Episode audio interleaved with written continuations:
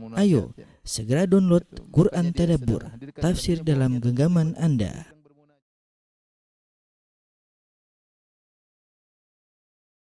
Bismillahirrahmanirrahim. Assalamualaikum warahmatullahi wabarakatuh. Alhamdulillahi ala ihsani wa syukru lahu ala taufiqihi wa amtinani wa asyhadu an la ilaha illallah wahdahu la syarika lahu ta'ziman li sya'ni wa asyhadu anna Muhammadan abduhu wa rasuluhu da'ila ridwani Allahumma salli alaihi wa ala alihi wa ashabihi wa ikhwani. Hadirin dan hadirat yang dirahmati Allah Subhanahu wa taala, para jamaah Masjid As-Sunnah Bintaro yang dirahmati oleh Allah Subhanahu wa taala, pada kesempatan kali ini kita akan bahas tentang uh, surga ya. Nah, mungkin ada beberapa pertemuan karena pembahasannya panjang, kita berusaha untuk uh, menyampaikan dengan uh, detail insyaallah taala uh, berkaitan tentang uh, surga. Uh, yang pertama yang saya sampaikan bahwasanya surga adalah hal yang dirindukan oleh setiap kaum mukminin ya. Setiap orang soleh merindukan surga. Eh, bahkan bukan cuma orang soleh biasa, bahkan para ambia, bahkan bukan sembarang nabi, bahkan nabi yang terbaik eh, yang diberi predikat oleh Allah Khalilur Rahman, kekasih Allah Subhanahu wa taala. Di antaranya adalah Nabi Muhammad sallallahu alaihi wasallam, Nabi Ibrahim alaihissalam, ya Eh, keduanya khusus mendapatkan predikat kekasih Allah. Wattakhadallahu Ibrahim khalila. Kata Allah, Allah menjadikan Ibrahim sebagai kekasih. Demikian juga Nabi SAW bersabda, Inna Allah attakhadhani khalilan kama attakhadha Ibrahim khalila. Lau kuntu muttakhidan khalila, attakhadtu Abu Bakrin khalila. Sungguhnya Allah telah mengangkatku sebagai kekasihnya sebagaimana Allah telah menjadikan Ibrahim sebagai kekasihnya. Ya. Artinya kedua nabi spesial ini uh, mendapat predikat kekasih Allah. Kenapa? Karena mereka sangat mencintai Allah Subhanahu wa taala. Lihatlah Ibrahim alaihissalam diuji dengan hal-hal yang dia cintai. Diuji dengan anaknya Ismail yang di nanti kelahirannya puluhan tahun masih kecil harus diletakkan di uh, di Mekah dengan jarak yang jauh ya. Kemudian adalah sangat dia cintai harus dipisahkan dari istrinya Hajar yang sangat dia cintai kemudian juga uh, diuji oleh Allah untuk menyembelih Ismail ketika sudah remaja. Padahal itu masa-masa yang seorang sangat bangga dengan anaknya. Di saat seperti itu dia diuji dengan hal yang dia cintai untuk menyembelih anaknya tersebut. Dan dia menjalankan seluruh perintah Allah Subhanahu wa taala.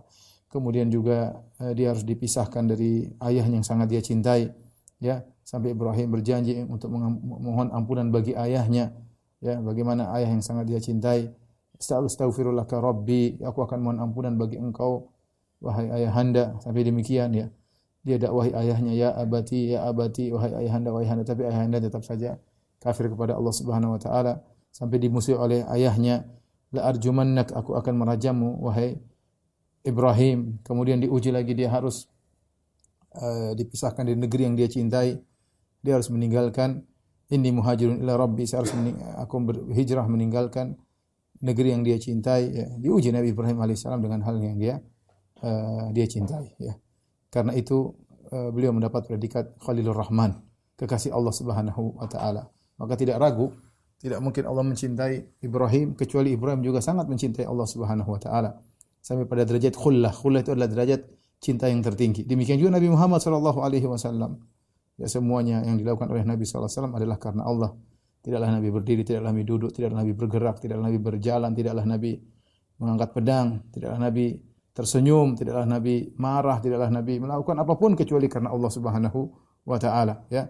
Semuanya karena Allah makanya Nabi sangat mencintai Allah Subhanahu wa taala sehingga dia meraih predikat uh, kekasih Allah Subhanahu wa taala. Oleh karena tidak ada yang ragu bahwasanya orang yang paling cinta kepada Allah Subhanahu wa taala di antaranya Ibrahim dan Muhammad sallallahu alaihi wasallam. Namun meskipun mereka berdua sangat cinta kepada Allah, mereka minta surga. Mereka minta surga. Ibrahim alaihissalam berdoa wa ja'alni mi di jannatin na'im. Uh, ya Allah, anugerahkanlah kepadaku uh, aku termasuk pewaris jannatin na'im yaitu surga yang penuh dengan kenikmatan. Ibrahim minta untuk dimasukkan surga.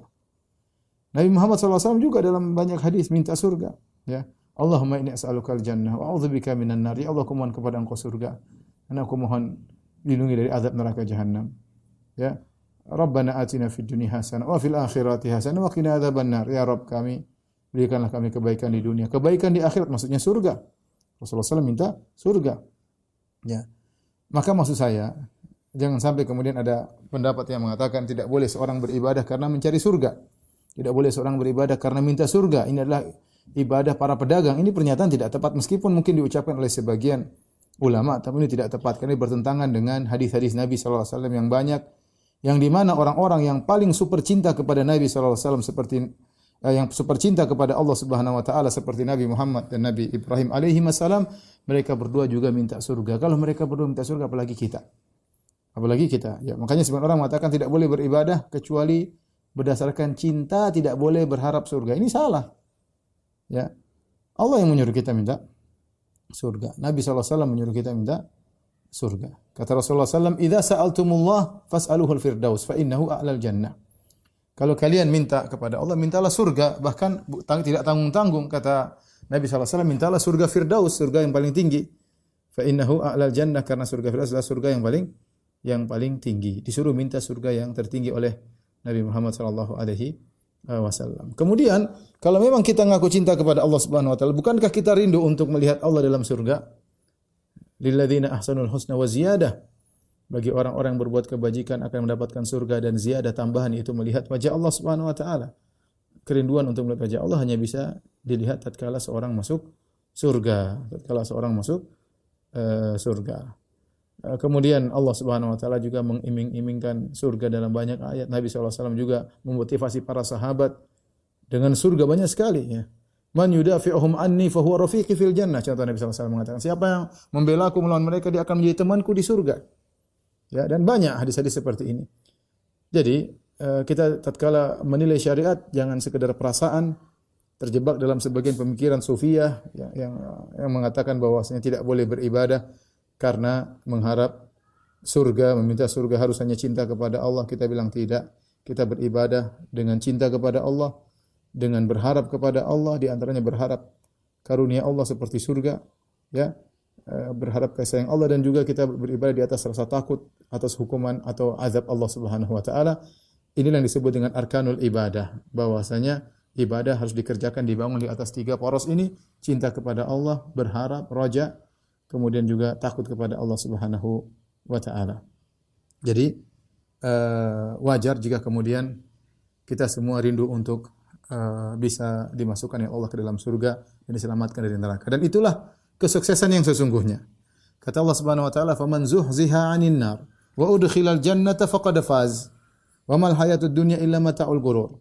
Barang siapa yang diselamatkan dari neraka jahanam dan dimasukkan dalam surga, faqad Sungguh dia telah sukses. Itulah sukses sesungguhnya. Sukses sesungguhnya bukan di dunia sukses, mungkin dapat gelar apa, gelar dokter, gelar profesor atau dapat menjadi uh, apa namanya pengusaha terbaik atau apa yang terbaik. Eh, orang bisa sukses di dunia bagus, tapi itu bukan kesuksesan yang sesungguhnya. Kesuksesan yang sesungguhnya adalah sukses di akhirat sebagaimana firman Allah Subhanahu wa taala, "Faman zuhziha 'anil nar" Barang siapa yang diselamatkan dari neraka, wa udkhilal jannata kemudian masuk surga, faqad faz maka dia telah menang, dia telah menang. Tapi ini mukaddimah ya eh, yang, yang yang saya ingin sampaikan agar kita banyak berdoa kepada Allah untuk mohon surga kepada Allah terutama surga eh, Firdaus ya. Eh, ketika Rasulullah SAW bertanya kepada seorang apa yang kau minta kata dia ya Rasulullah inilah uhsinu dandanataka wala dandanata mu'adz walakinni as'aluhul jannah wa a'udzu bihi minan nar Ya Rasulullah, aku tidak pandai meminta seperti permintaan engkau kepada Allah. Dan juga aku tidak pandai berkata-kata dalam berdoa sebagaimana tutur katanya Mu'ad bin Jabal. Tetapi aku mohon kepada Allah surga dan aku minta dilindungi dari jannah. Eh, dari neraka. Aku minta dilindungi dari neraka. Apa kata Nabi SAW kepada orang ini? Haulahu nudandin. Kami pun permintaannya seputar itu. Seputar minta surga, dijauhkan dari neraka, jahannam. Baik. Kita akan bahas beberapa perkara uh, akidah Ahlussunnah tentang uh, surga. Tentu banyak yang akan dibahas tapi ada beberapa poin yang akan kita bahas pada uh, pertemuan kita kali ini. Yang pertama ingin kita bahas adalah nama-nama uh, surga ya. Nama-nama surga. Surga Allah sebutkan dalam Al-Qur'an dalam banyak dengan nama yang banyak ya. Di antaranya yang terkenal adalah jannah. Al-jannah. Al jannah ya uh, kalau bahasa kita artinya adalah uh, kebun yang lebat ya, kebun yang lebat. Kenapa bisa demikian? Karena seperti dijelaskan oleh uh, para ah, ahli bahasa di antaranya Ibnu Faris dalam kitabnya Maqayis uh, Mu'jam Maqayisil Lughah, beliau menyebutkan lafaz kalimat atau kata jim dan nun ya, ini menunjukkan sitr wa tasattur. Jim dan nun menunjukkan sitr wa tasattur yaitu tersembunyi atau bersembunyi. Contoh yang mirip dengan al jannah ya ini kan al jannah. Al jannah. Contoh yang mirip dengan al jannah seperti apa? Uh, al janin. Al janin. Janin. Kenapa disebut janin? Karena janin tersebut tersembunyi dalam perut seorang ibu, tersembunyi maka disebut dengan janin. Ya, disebut janin, ada jim, ada nun. Contoh disebut dengan misalnya jananul lail. Ya, yaitu gelap gulita. Gelapnya malam. Kenapa? Karena tersembunyi disebut jananul lail. Disebut al-jinan. Al-jinan itu maksudnya apa? Kolbu ya.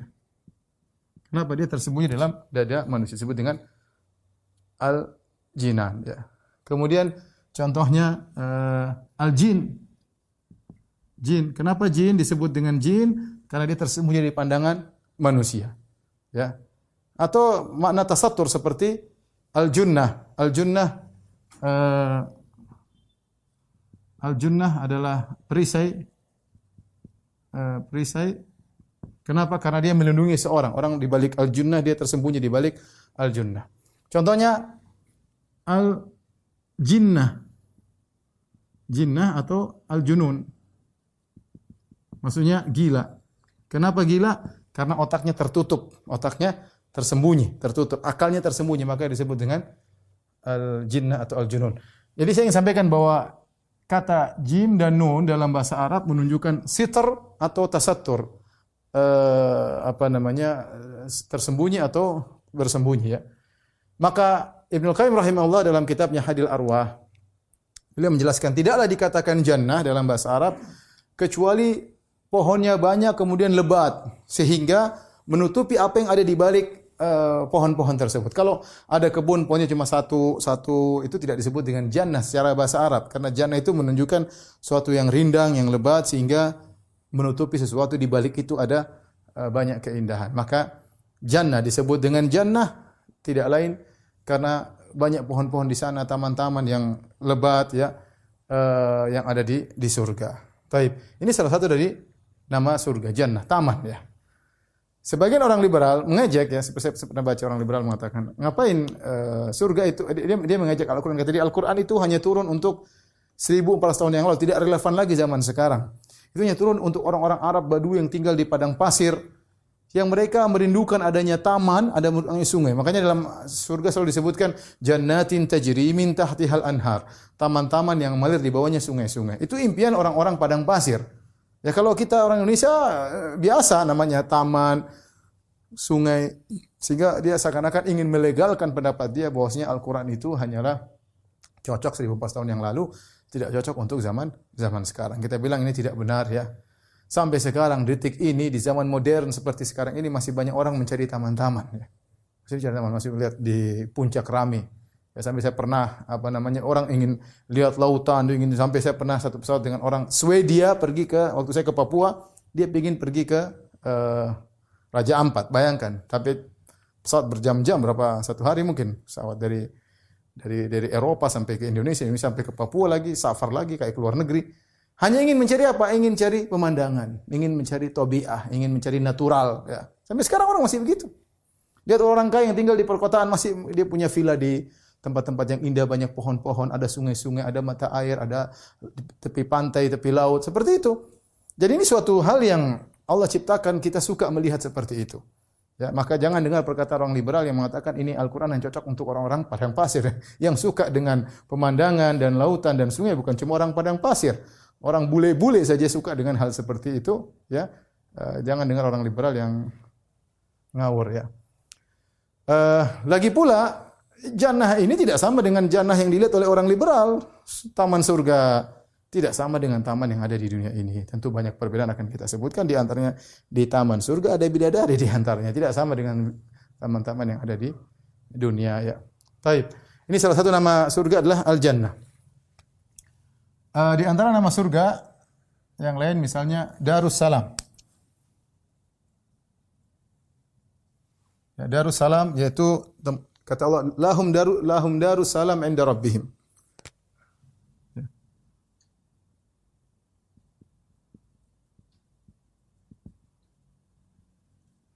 Kemudian juga firman Allah Subhanahu wa taala wallahu yahdi eh, yad'u ila darissalam. Allah menyeru kepada uh, ila darissalam kepada darussalam. Salam artinya keselamatan.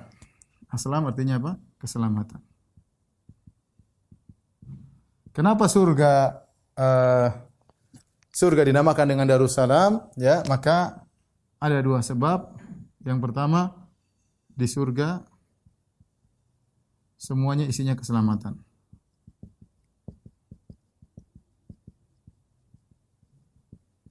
Kemudian di surga juga, di surga eh, mereka saling menyalami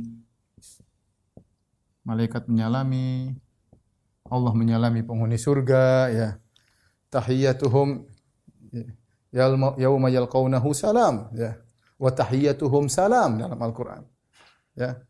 Dalam bahwasanya dalam surga mereka mengucapkan salam ya Salamun qaulan min rabbir rahim. Allah memberi salam kepada penghuni surga. Malaikat juga memberi salam.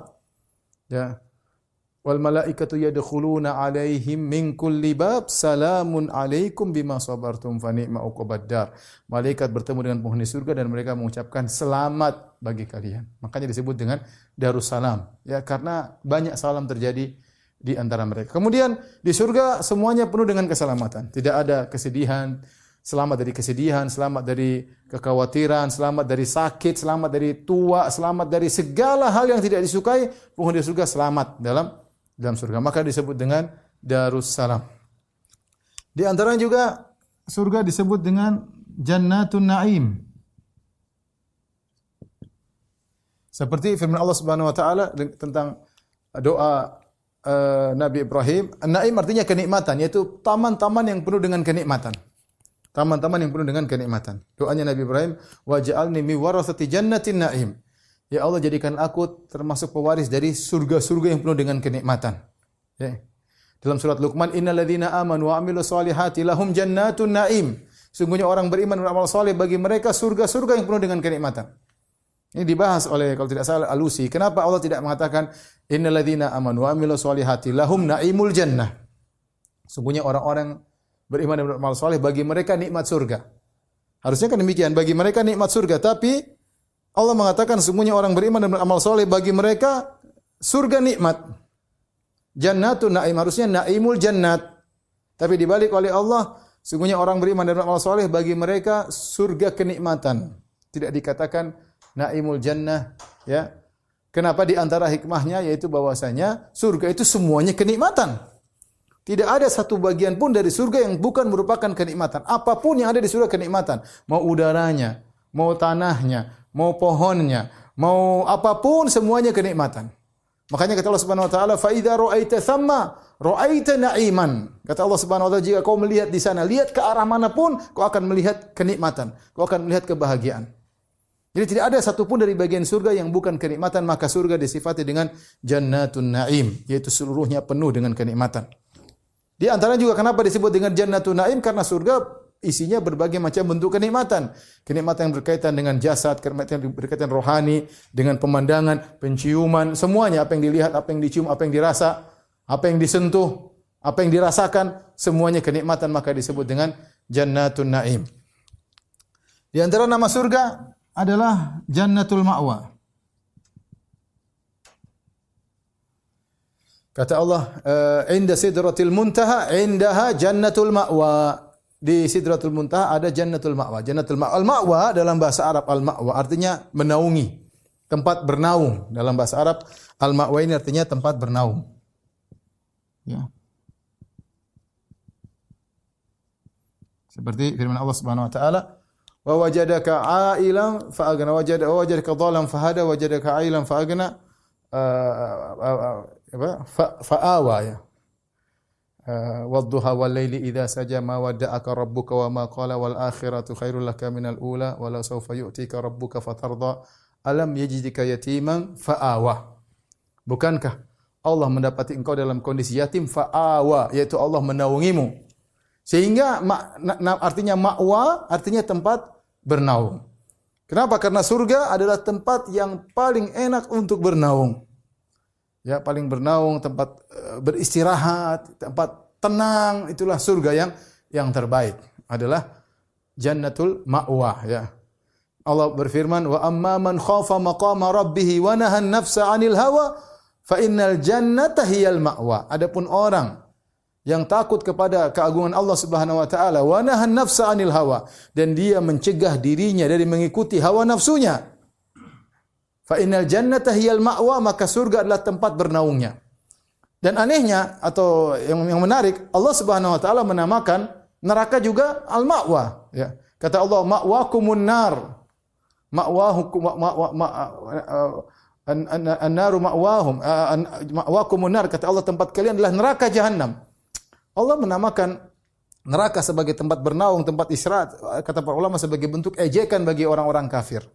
Karena surga makwa, neraka juga tempat bernaung, tapi bukan bernaung, tempat disiksa. Tapi Allah menamakan dengan makwa, ya. Uh, fa innal jahima hiyal ma'wa, ya. Wa amma man uh, uh, apa wa aman togo wa asarul hayata dunya adapun orang melampaui batas dan mendahulukan kehidupan dunia fa innal jahima hiyal ma'wa sungguhnya neraka jahanam tempat bernaungnya padahal bernaung itu asalnya adalah tempat yang nyaman tetapi Allah ngejek orang-orang kafir menempati neraka dengan disebut dengan al-ma'wa. Ini di antara nama-nama surga. Di antara nama-nama surga adalah Darul Muqamah.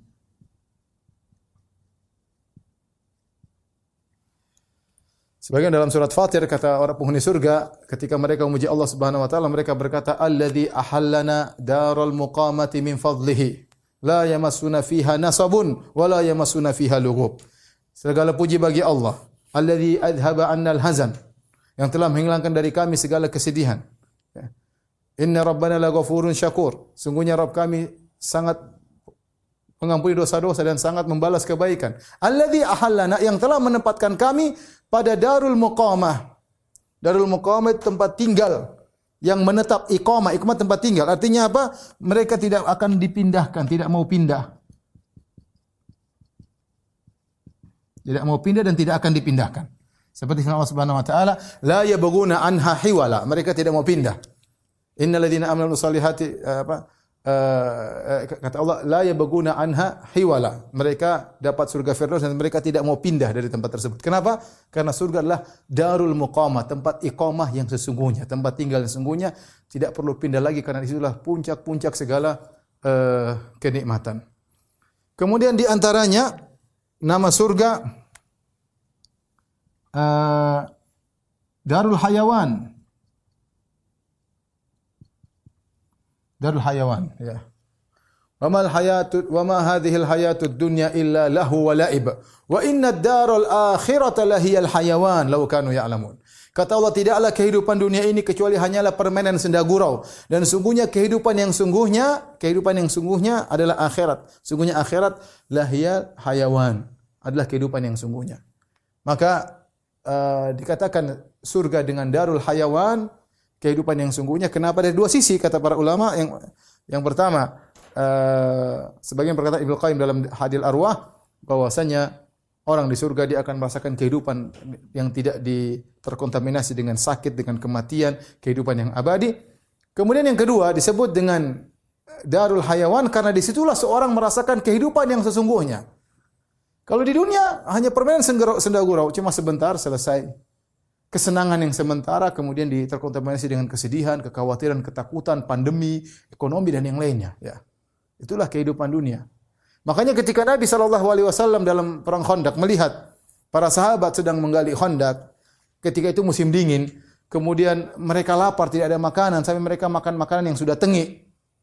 Apa kata Nabi sallallahu alaihi wasallam sementara para sahabat mengikat perutnya dengan batu, kata Nabi sallallahu alaihi wasallam, Allahumma la aisha illa aishul akhirah. Farhamil farhamil ansara wal muhajirah. Kata Allah ya Allah, kata Nabi wasallam, ya Allah, tidak ada kehidupan yang sesungguhnya kecuali kehidupan akhirat. La aisha illa aishul akhirah. Maka ini ini dikatakan oleh Syekh Utsaimin rahimahullah adalah obat ya bagi kita kalau kita melihat sesuatu yang indah atau kita melihat sesuatu yang susah.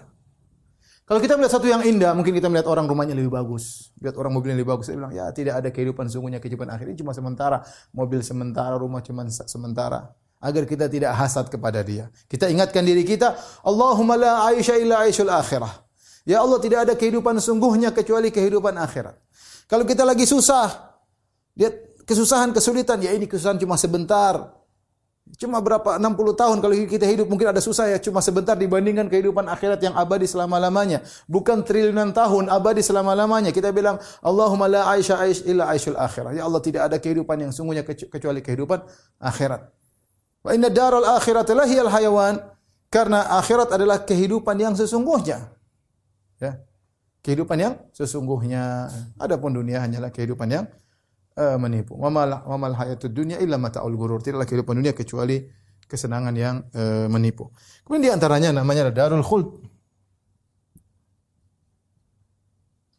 Ya, tentu yang menunjukkan apa? Abadi. Kemudian di antara uh, nama adalah Tuba. Tuba itu adalah yang terbaik ya. Kalau artinya sebagian salaf ada tuba, ada khilaf dengan apakah tuba ini uh, adalah sifat tentang orang-orang tinggal di sana atau tuba adalah nama surga. Sebagian ulama, sebagian Ibn Abbas diriwayatkan dia menamakan mengatakan tuba adalah ismun uh, min asma'il jannah, adalah nama dari nama-nama surga, tuba. Apa maknanya tuba? Tuba itu yang yang terbaik. Maksudnya apa? Seorang ketika masuk surga dia mendapatkan kenikmatan yang terbaik, segala kenikmatan yang terbaik dia rasakan di uh, surga. Dia rasakan di uh, surga apa pun. Kalau dia makan makan yang terbaik, kalau dia lihat buah-buah yang terbaik, kalau dia memiliki istri-istri yang terbaik, kalau dia punya tempat tinggal tempat tinggal yang terbaik, kalau dia apa pun ya, dia dapatkan yang terbaik. Maka disebut dengan tuba ya. Tuba lahum wa husnu ma'ab. Ya, bagi mereka orang yang beramal saleh tuba lahum mereka mendapatkan surga yang disebut oleh Allah dengan nama uh, tuba ya. Di antaranya disebut juga dengan al-husna ya. Al-husna seperti firman Allah Subhanahu wa taala lilladzina ahsanul husna bagi orang yang berbuat baik mendapat al-husna yaitu surga. Al-husna artinya baik ya. Segala sesuatu di surga tidak ada yang buruk, semuanya uh, baik ya. Tidak ada keburukan sedikit pun. Semuanya adalah kebaikan sempurna ya, kebaikan sempurna. Ini di antara uh, nama-nama uh, surga. Taib. Permasalahan berikutnya yang kita bahas adalah surga sudah ada. Ini adalah akidah Ahlussunnah wal Jamaah berbeda dengan akidah Mu'tazilah. Surga sudah ada. Adapun dalilnya banyak sekali ya. Al-Qur'an Sunnah Al-Hadis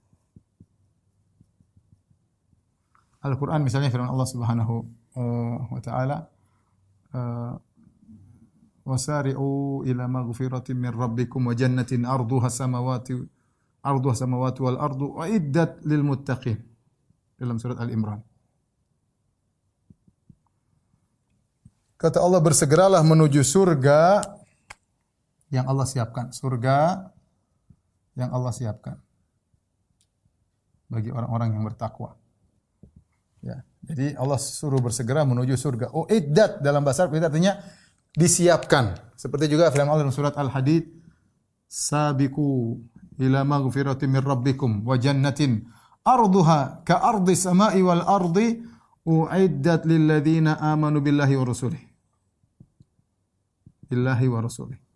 Bersegeralah cepatlah kalian menuju surga yang uiddat yang disiapkan sama yang disiapkan.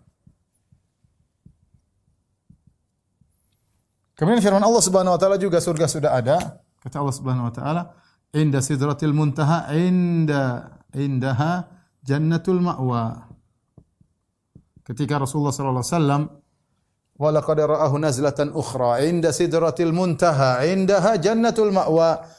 Ketika Rasulullah SAW Isra Mi'raj, ya. ketika Mi'raj Nabi melihat jannah ya. Jannah uh, di sisi Sidratul Muntaha. Dalam surat An-Najm ya. Dalil bahwasanya dari Al-Qur'an bahwasanya uh, surga sudah ada. Adapun dari hadis bahwa surga sudah ada sangat banyak, sangat banyak. Contoh misalnya ya uh, ketika Allah hadis tentang ketika Allah menciptakan surga menciptakan surga dan neraka Allah kirim Jibril Allah kirim Jibril untuk lihat. Dalam hadis yang masyhur ya alaihissalam untuk melihat Allah cipta surga, Allah bilang, Jibril kamu lihat. Kalau Jibril lihat, kata Jibril tidak ada yang benar kecuali akan mau surga. Kemudian Allah huffatil jannah bil makari. Kemudian Allah tutupi surga dengan perkara-perkara yang dibenci. Jibril suruh lihat lagi, oke sepertinya sulit orang untuk masuk, sulit orang untuk masuk dalam surga. Yaitu hadis huffatil jannatu bil makari.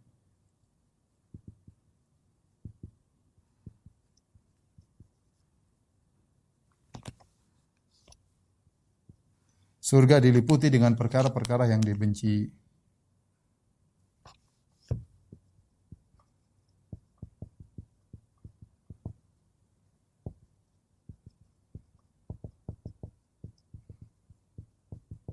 Ya. Di antara dalil bahwasanya uh, surga sudah ada, yaitu Nabi SAW mengatakan, uh, tidaklah seorang sudah meninggal dunia kecuali illa urida alaihi maq'adahu tidaklah mayat kecuali illa urida alaihi maq'adahu bil asyi ya maq'adahu ya. Ditampakkan kecuali diperlihatkan tidak satu mayat orang meninggal kecuali ditampakkan kaplingnya. Pagi dan petang. Ya pagi dan petang. Ini di alam kubur. Kalau dia penghuni surga diperlihatkan tempatnya di surga, kalau di neraka diperlihatkan tempatnya di di neraka ya. Seperti itu. Kemudian juga di antara hadis tentang uh, Nabi salat gerhana sallallahu alaihi wasallam salat gerhana. Ya, dalam riwayat kata Nabi wadanat minil jannah surga mendekat kepadaku ya. Bahkan dalam riwayat tanawaltu unqudan hampir hampir aku melihat surga aku ingin mengambil setandon buah-buahan dari surga. Lau asabtuhu kalau aku dapat setandon itu, la la akaltu minhu ma baqiyatid dunya. Kalian akan makan sampai dunia selesai enggak habis-habis ini. Setandon buah dari surga ini. Rasulullah mengatakan saya hampir ambil. Kalau saya ambil berarti saya kasih kalian makan. Berarti ada. Barangnya itu ada. Cuma Rasulullah tidak jadi ambil, diperlihatkan caranya bagaimana urusan Allah Subhanahu wa taala kata Nabi, kalau saya ambil saya dapat, ya kemudian saya kasih kalian maka kalian akan makan sampai seumur dunia tidak akan habis. Berarti surga sudah sudah ada. Ya. Kemudian lagi misalnya hadis uh, uh, ketika seorang soleh meninggal dunia maka kata Allah faafrishu lahu bifirasil jannah. Maka bentangkanlah firas dari surga ya. Kemudian waftahu la waftahu lahu baban maka bukakanlah pintu ilal jannah surga uh, pintu dari dari alam barzah menuju surga ya. Maka sampai kepada dia min raihiha wa min tibiha maka angin surga dan harumnya surga sampai kepada orang di alam barzah ya. Harumnya surga dan angin surga sampai ke ke orang soleh di alam barzakh. Di barzakh. Kemudian juga dalam satu hadis ketika sahabat Anas bin Nadhr radhiyallahu anhu dalam perang Uhud, ketika dia berperang dia mengatakan, "Inni la ajidu rihal jannati min kibali Uhud." Sungguh aku mencium bau surga dari arah gunung Uhud. Surga ada, ada. Terkadang Allah memberikan uh, istilahnya apa? Keajaiban seorang muslim bisa mencium aroma harumnya surga sehingga dia pun maju berperang sehingga meninggal dalam medan pertempuran. Ini dalil-dalil semua menunjukkan surga itu ada. Apalagi kalau kita mengatakan bahwasanya surga uh, yang ditempati Nabi Adam adalah surga yang akan ditempati oleh kaum muslimin pada hari kiamat kelak. Taib. Adapun Mu'tazilah, mereka mengingkari ya. Mu'tazilah mengingkari surga sudah ada. Dalilnya apa? Dalilnya akal. Dengan dalil akal. Semua ayat-ayat hadis-hadis mereka takwil. Ya. Ya. Kata mereka, uh, kalau surga sudah ada, tidak ada faedahnya. Apa faedahnya? Apa faedahnya? Oh, anda lupa juga di antara dalil tadi uh, ruh para syuhada ya berjalan-jalan di di taman surga. Demikian juga ruh kaum mukminin. Cuma bedanya kalau ruh kaum mukminin berjalan-jalan di surga, kalau ruh para syuhada fi jawfi tairin khadr yaitu dalam uh, dalam burung berwarna hijau kemudian mereka berjalan-jalan di di surga. Tapi kita kembali kepada Mu'tazilah. Mu'tazilah mengingkari kata mereka surga tidak ada. Ini menyisi akidah Ahlussunnah wal Jamaah dari mereka dua, kalau surga sudah tidak ada faedahnya. Yang kedua, kalau surga sudah ada akan binasa dong. Maka akan akan hancur ketika hari kiamat. Hari kiamat. Ini pendapat Mu'tazilah. Tapi kita bantah eh, bantahannya, kita bilang dalil sudah jelas, surga sudah ada. Adapun kalau surga sudah ada, faedahnya apa? Kita bilang faedahnya banyak, banyak faedahnya. Hmm, faedah banyak ini. Di antaranya uh, orang di alam barzah bisa melihat tempatnya di surga sampai kepada dia aroma surga sampai kepada dia. Ya. Kemudian antara faedahnya ruh kaum mukminin berjalan-jalan di surga ruhnya tidak sempurna dengan jasadnya karena belum hari kiamat. Ruh syuhada ada dalam masuk dalam uh, burung kemudian berterbangan di taman-taman surga. Ya, ada faedahnya. Saya bilang tidak ada faedahnya, ada faedahnya. Yang kedua, ya yang yang kedua faedahnya selain itu beda antara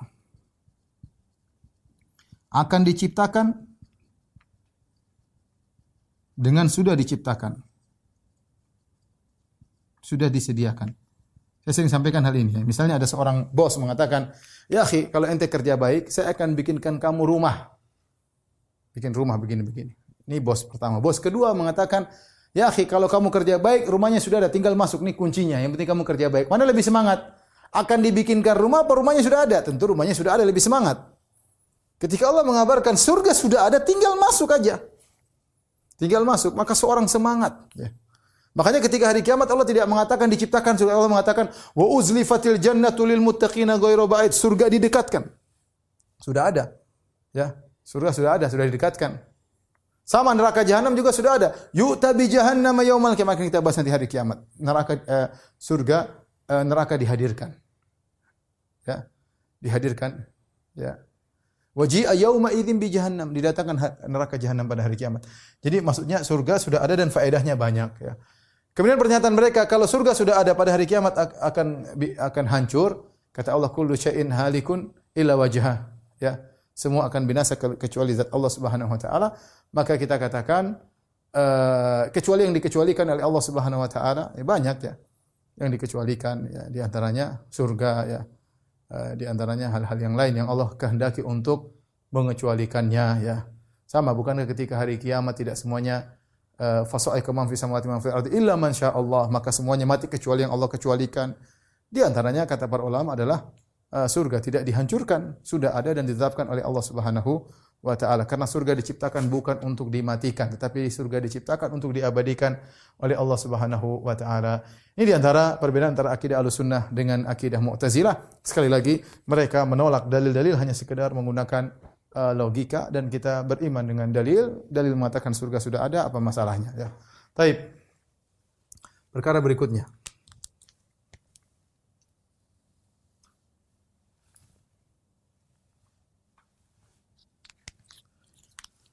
Surga, apakah surga? Yang akan dimasuki kaum muslimin? Dimasuki oleh orang-orang beriman. Adalah surga yang pernah ditempati Adam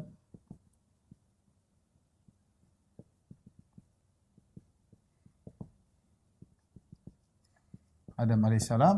Ini ada khilaf di kalangan para ulama, ada khilaf, ini khilaf. Ini contoh khilaf dalam masalah akidah dalam masalah furu' ya. Khilaf ya. Ada yang mengatakan ya, ya. Surganya sama. Pendapat yang kedua beda ya. Surganya beda ya. Adapun yang mengatakan beda kata mereka kenapa? Karena karena uh, di uh, surga Adam uh, ada ujian. Tidak boleh tidak boleh makan tidak boleh makan buah ya, buah tersebut. Nah, kalau surga kan harusnya tidak ada ujian. Ya, yang kedua ternyata surga tersebut bisa keluar darinya ya. Uh, bukan tempat selamanya. Buktinya Adam keluar. Nanti ada khilaf lagi apa surga Adam itu di di bumi apa di langit Allah alam. Tapi ini ada khilaf ya. Pendapat yang pendapat ini pendapat yang pendapat yang kedua surganya sama dan ini pendapat yang lebih kuat dalam Sahih Muslim. Ini pendapat yang lebih kuat dalam Sahih Muslim ketika Nabi berkata yaum yajma'un nas yaumal qiyamah yaum ya, apa yajma'ullahu nas yaumal qiyamah fayaqumul mu'minun ketika orang-orang dikumpul oleh Allah pada hari kiamat kelak ketika mereka akan masuk surga maka fayaqumul mu'minun orang beriman berdiri. Mereka ke mana? Fayatuna adam. Mereka pun datang kepada Nabi Adam alaihissalam nenek moyang mereka. Kemudian mereka berkata ya Adam istaftih lanal jannah. Wahai Adam mintalah agar pintu surga dibuka. Kata Adam alaihissalam, "Alaysa akhrajakum min minal jannah illa khati'ati abikum Adam?" Bukankah yang membuat kalian keluar dari surga kecuali dosa bapak kalian yaitu Adam alaihissalam? Maksudnya Adam mengatakan apa? Gimana saya mau disuruh buka surga saya dulu keluar gara-gara kalian keluar dari surga ini gara-gara saya. Sehingga pendapat yang lebih kuat surga itulah surga Adam itulah surga yang akan ditempati oleh kaum mukminin. Ya. Ini pendapat dalam Sahih Muslim menunjukkan akan hal tersebut. Ya. Ketika Nabi Adam disuruh untuk minta bukan surga, kata Nabi Adam, bagaimana saya mau buka surga? Sementara bukankah kalian dikeluarkan dari surga gara-gara dosaku? Ya. Saya tidak pantas untuk minta surga untuk dibuka. Jadi yang benar, surga Nabi Adam itulah surga yang akan ditempati oleh kaum mukminin. Makanya, kaum mukminin akan kembali ke tempat mereka. Tempat tinggal mereka sungguhnya adalah surga karena mereka pernah tinggal di sana. Karena mereka pernah tinggal di di sana. Adapun dalil yang mengatakan Adam diuji, kita bilang surga ketika itu memang bukan sebagai balasan, belum. Maka Allah mau kasih ujian boleh saja berbeda status surga nanti setelah itu. Setelah status surga tidak ada ujian lagi. Pada kalau datang kedua kali, manusia datang kedua kali sudah bukan tempat ujian lagi. Ketika itu memang Adam posisinya bukan sebagai balasan dari amal soleh yang dia lakukan. Surga tersebut mungkin Allah bisa kasih uh, ujian dalam surga uh, tersebut. Ya. Kemudian surga tersebut memang bukan tempat selamanya. Adam buktinya bisa keluar karena memang surga tersebut bukan surga al-jaza, bukan. Beda nanti pada hari kiamat status surga tersebut berubah. Maka adalah sebagai balasan bagi orang yang beriman, bebas mereka melakukan apa, tidak ada lagi yang dilarang dalam surga. Apa yang mereka kehendaki, maka dikabulkan oleh Allah Subhanahu wa taala. Ya ini di antara pembahasan yang mungkin uh, perlu kita ketahui bahwasanya surga yang akan datang adalah surga yang pernah ditempati oleh Nabi Adam alaihissalam. Oleh karena di antara ciri-cirinya sama. Ciri-cirinya di langit. Ketika Adam diturunkan Allah mengatakan, "Ih, bitu, turunlah kalian." Turunlah kalian. Adam, Hawa, iblis semua turun dari berarti surga tersebut posisinya di langit sama seperti surga yang akan ditempati oleh kaum minin juga posisinya di uh, di langit. Tapi mungkin pembahasan terakhir yang akan kita bahas pada kesempatan kali ini adalah tentang tingkatan-tingkatan surga.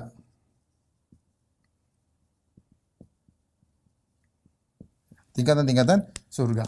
Surga bertingkat-tingkat, bukan satu tingkat ya. Dalilnya dalam Al-Qur'an dan As-Sunnah. Dalilnya banyak sekali ya. ya dalilnya banyak sekali ya. Baik. Dalam Al-Qur'an Allah Subhanahu wa taala uh, berfirman dalam Al-Qur'an seperti firman Allah Subhanahu wa taala wa likullin darajatun mimma amilu. Kata Allah Subhanahu wa taala masing-masing mendapatkan derajat sesuai dengan amal yang mereka kerjakan. Jadi Allah Maha Adil. Bima amilu dengan perbuatan mereka maka masing-masing mau surga derajatnya ada masing-masing. Allah juga Subhanahu wa taala berfirman dalam Al-Qur'an, "Hum darajatun indallah. Afaman ittaba ridwanallahi kaman ba'a bi sakhatin minal minallah wa ma'wahu nar." Ya. Kata Allah Subhanahu wa taala, "Hum darajatun indallah." Sungguhnya penghuni surga, penghuni neraka berdarajat di sisi Allah Subhanahu wa. Wallahu basirum bima ya'malun dan Allah mengetahui apa yang mereka kerjakan. Ya. Ya, wa likulin darajatun mimma amilu. Ama rabbuka bighafilin amma ya'malun. Masing-masing ada derajatnya. Kemudian dalam ayat yang lain, hum darajatun indallah, masing-masing punya derajat di sisi Allah. Dan ini adalah konsekuensi dari Allah Maha Adil. Allah tidak akan menyamakan penghuni surga satu dengan yang lainnya. Allah Maha Adil. Tidak disamakan orang yang sedekahnya sedikit dan orang sedekahnya banyak. Tidak disamakan antara orang yang baca Quran sedikit dan orang baca Quran banyak. Orang yang pelit sama orang tuanya dengan berbakti kepada orang tuanya. Tidak sama. Tidak sama orang yang belajar dengan malas-malas orang belajar dengan serius. Allah bedakan. Allah Maha Adil. Kemudian di antara dalil bahwasanya uh, penghuni surga bertingkat-tingkat. Allah Subhanahu wa taala berfirman dalam surat Al-Isra kata Allah Subhanahu wa taala, "Kullan numiddu haula'i wa haula'i min ata'i rabbik wa ma kana ata'u rabbika mahdhura. Unzur kaifa faddalna ba'dahum 'ala ba'd wal akhiratu akbaru darajatin wa akbaru tafdhila." Kata Allah, semuanya kami kasih rezeki. Yang kafir kami kasih rezeki, yang beriman kami kasih rezeki. Lihatlah bagaimana kami membuat tingkatan-tingkatan orang-orang di dunia dengan rezekinya. Kalau saya suruh uh, antum dan antuna untuk membuat klasifikasi orang-orang dari sisi harta dari yang paling kaya sampai yang paling miskin. Kan bertingkat-tingkat, mungkin bisa 100 tingkat. Mungkin bisa seribu tingkat, tingkatan ini level tertinggi yang paling kaya, super super super super kaya, kemudian kaya, kemudian setengah kaya, kemudian agak kaya, kemudian kaya, kemudian terus terus terus sampai miskin. Ya, bertingkat-tingkat. Kalau kita di dunia bisa mengklasifikasikan orang dari sisi harta, kata Allah, Walal akhiratu akbaru darajatin wa akbaru tafdhila. Di akhirat lebih lagi tingkat-tingkatannya. Di akhirat lebih lagi tingkat-tingkatannya. Di surga tingkatannya bertingkat-tingkat, di neraka juga bertingkat-tingkat. Kalau kalian lihat di dunia orang bisa antum klasifikasikan, maka di akhirat penghuni surga, penghuni neraka juga bisa diklasifikasikan. Ini menunjukkan surga uh, bertingkat-tingkat ya. Demikian dalam Al-Qur'an uh, dalam ayat satu ayat kata Allah Subhanahu wa taala misalnya ya uh, dalam surat Fatir ya Thumma awrasnal kitab alladhina astafaina min ibadina faminhum zalimun li nafsihi wa minhum muqtasid wa minhum sabiqun bil khairati bi idznillah dzalika huwal fadlul Allah menyebutkan tentang penghuni surga. Di antara yang Allah sebutkan pertama adalah uh, yang pertama zalimun li nafsi yaitu orang penghuni surga tapi tingkatannya paling rendah kebaikan yang dilakukan bercampur dengan dosa. Ya, tapi dia masuk surga. Yang kedua muktasid. Siapa muktasid? Yaitu orang yang masuk surga tapi pas-pasan. Dia hanya melakukan kebajikan-kebajikan yang wajib-wajib yang sunnah-sunnah tidak dia perhatikan. Ya, wajib-wajib dia kerjakan, yang sunnah-sunnah dia kurang perhatikan. Yang paling tinggi sabikun bil khairat. Yang berlomba-lomba dalam kebajikan ini surganya tinggi. Lihat dalam ayat ini Allah membagi surga menjadi tingkat-tingkatan. Zalimul nafsi, kemudian muktasid, kemudian yang paling tinggi sabikun bil khairati bi idznillah, Makanya setelah itu Allah mengatakan jannatu adinin yadkhulunaha. Mereka semuanya masuk surga bertingkat-tingkat. Contoh lagi dalam Al-Qur'an Allah menyebutkan tentang tingkatan surga. Dalam surat Ar-Rahman kata Allah Subhanahu wa taala, "Waliman khafa maqama rabbih jannatan." Bagi orang yang takut kepada Rabbnya dapat dua surga. Kemudian Allah sebutkan sifat-sifat surga tersebut, zawata afna dan seterusnya. Setelah itu Allah menyebutkan Wa min dunihi jannatan. Di bawah dua surga, di bawah surga dua surga itu ada dua surga yang lain di bawahnya. Sehingga kata Syekh Sa'di bahwasanya surga yang dua di atas adalah untuk orang-orang spesial dan surga yang di bawah tadi untuk orang-orang beriman secara umum, berbeda. Ya. Kemudian juga misalnya Allah mengatakan tentang dalam surat Al-Waqiah, kata Allah Subhanahu wa taala wasabiquna sabiqun ulaikal muqarrabun. Asabiqun sabiqun itu tingkatan tinggi dalam surga.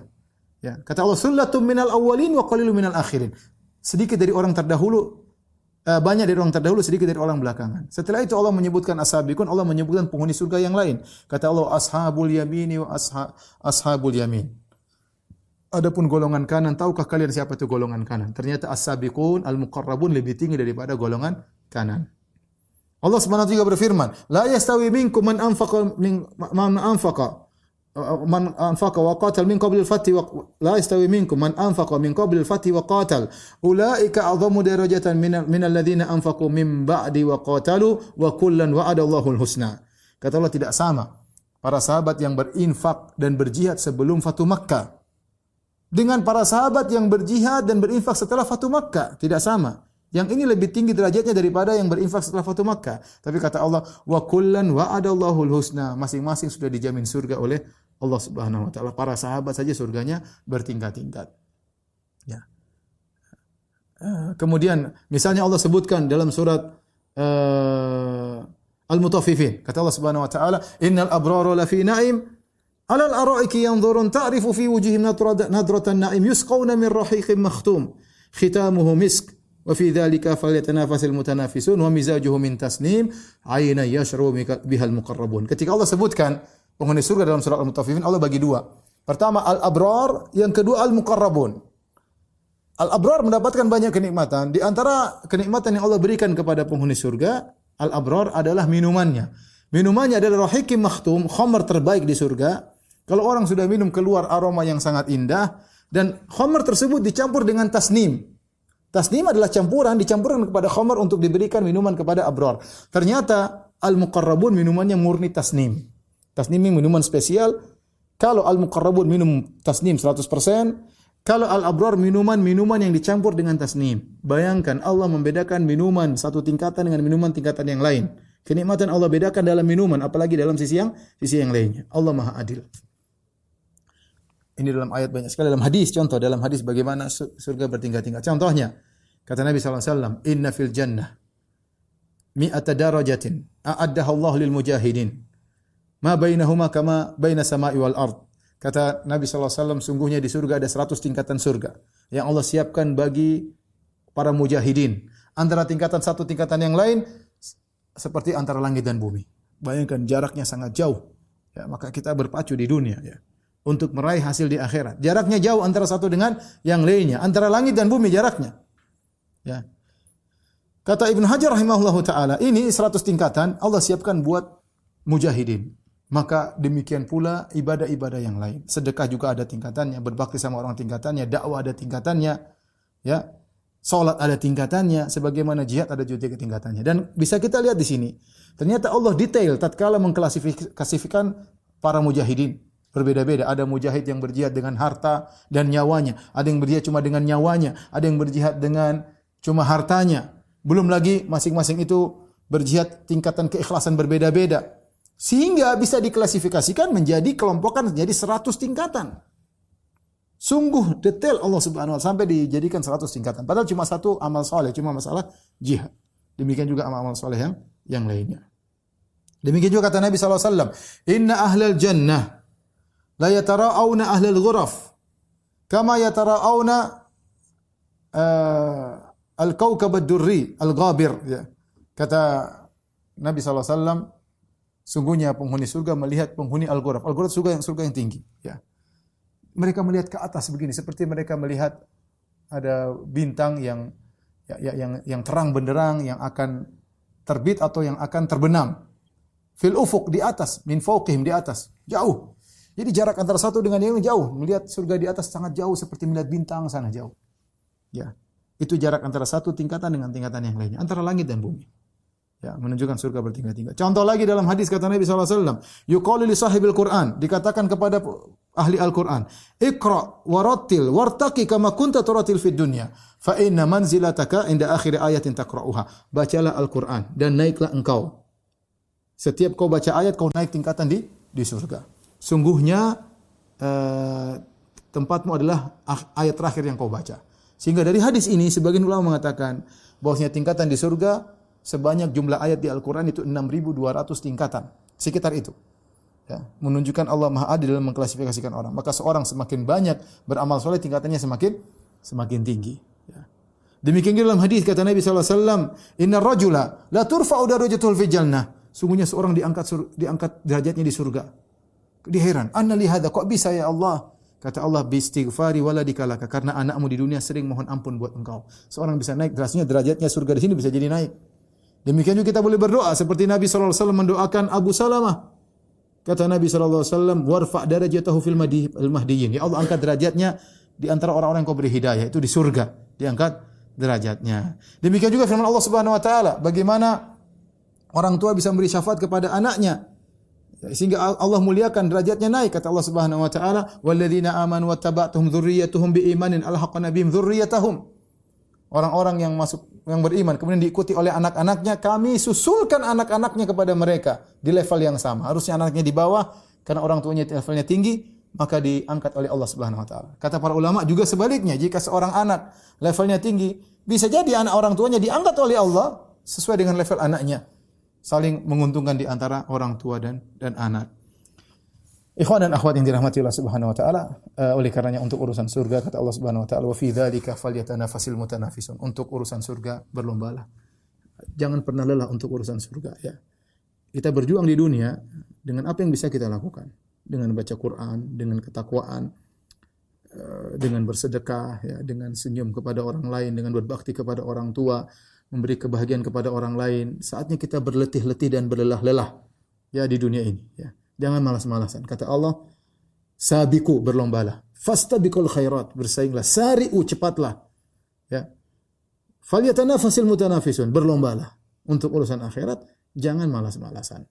Demikian bisa sampaikan. Insya Allah kita lanjutkan pada pertemuan berikutnya. Wallahu ta'ala alam bisawab. Demikian saja yang bisa sampaikan. Kurang lebihnya saya mohon maaf. Subhanakallah bihamdik. Asyadu ala ilaha ila anta. Assalamualaikum warahmatullahi wabarakatuh.